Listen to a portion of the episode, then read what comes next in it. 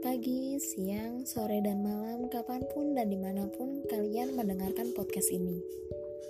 Semoga dalam keadaan sehat dan bahagia. Kenalin, aku Valerina Susana, mahasiswi jurusan Sains dan Teknologi Farmasi dengan NIM 1622010. Pada kesempatan kali ini, aku mau membahas sesuatu yang penting nih, yaitu kesehatan mental atau mental health. Apalagi sekarang pandemi COVID-19, jadi rentan banget kan kesehatan mental kita terganggu.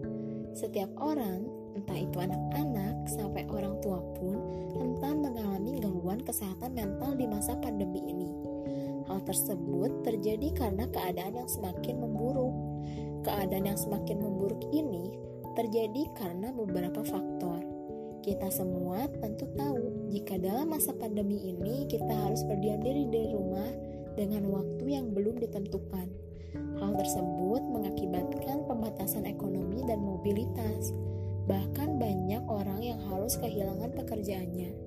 Selain itu juga, sekolah-sekolah ditutup dan mengharuskan kita untuk sekolah online. Hal itu dapat menyebabkan kita kesepian dan mengalami anxiety disorder. Selain itu, banyak juga kesulitan-kesulitan yang harus kita hadapi. Gangguan kesehatan mental dapat terjadi kapan saja dan di mana saja. Di sekitar kita, bahkan orang terdekat kita pun rentan mengalaminya jika tidak siap dengan apa yang terjadi di depan mata. Menurut laporan Resiko Global 2021 yang diterbitkan oleh World Economic Forum bersama Zurich Group, sebesar 80% anak muda di seluruh dunia mengalami penurunan kondisi kesehatan mental selama pandemi COVID-19 ini. Maka dari itu, diperlukan solusi untuk mencegah hal tersebut dan mengupayakan agar hal tersebut tidak semakin buruk. Caranya, yang pertama yaitu batasi informasi untuk mengurangi kecemasan. Dua, pilah informasi dengan mengakses informasi yang akurat. Tiga, atasi emosi seperti melakukan relaksasi dengan mengatur pernapasan agar lebih tenang. 4. Lakukan olahraga rutin agar merelaksasi tubuh dan terhindar dari stres. Yang kelima, mengatur pola makan yang sehat agar tubuh kita tetap sehat. 6.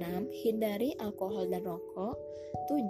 Menjaga komunikasi dengan teman dan keluarga. 8. Lakukan hal yang menyenangkan untuk mengatasi bosan dan sedih.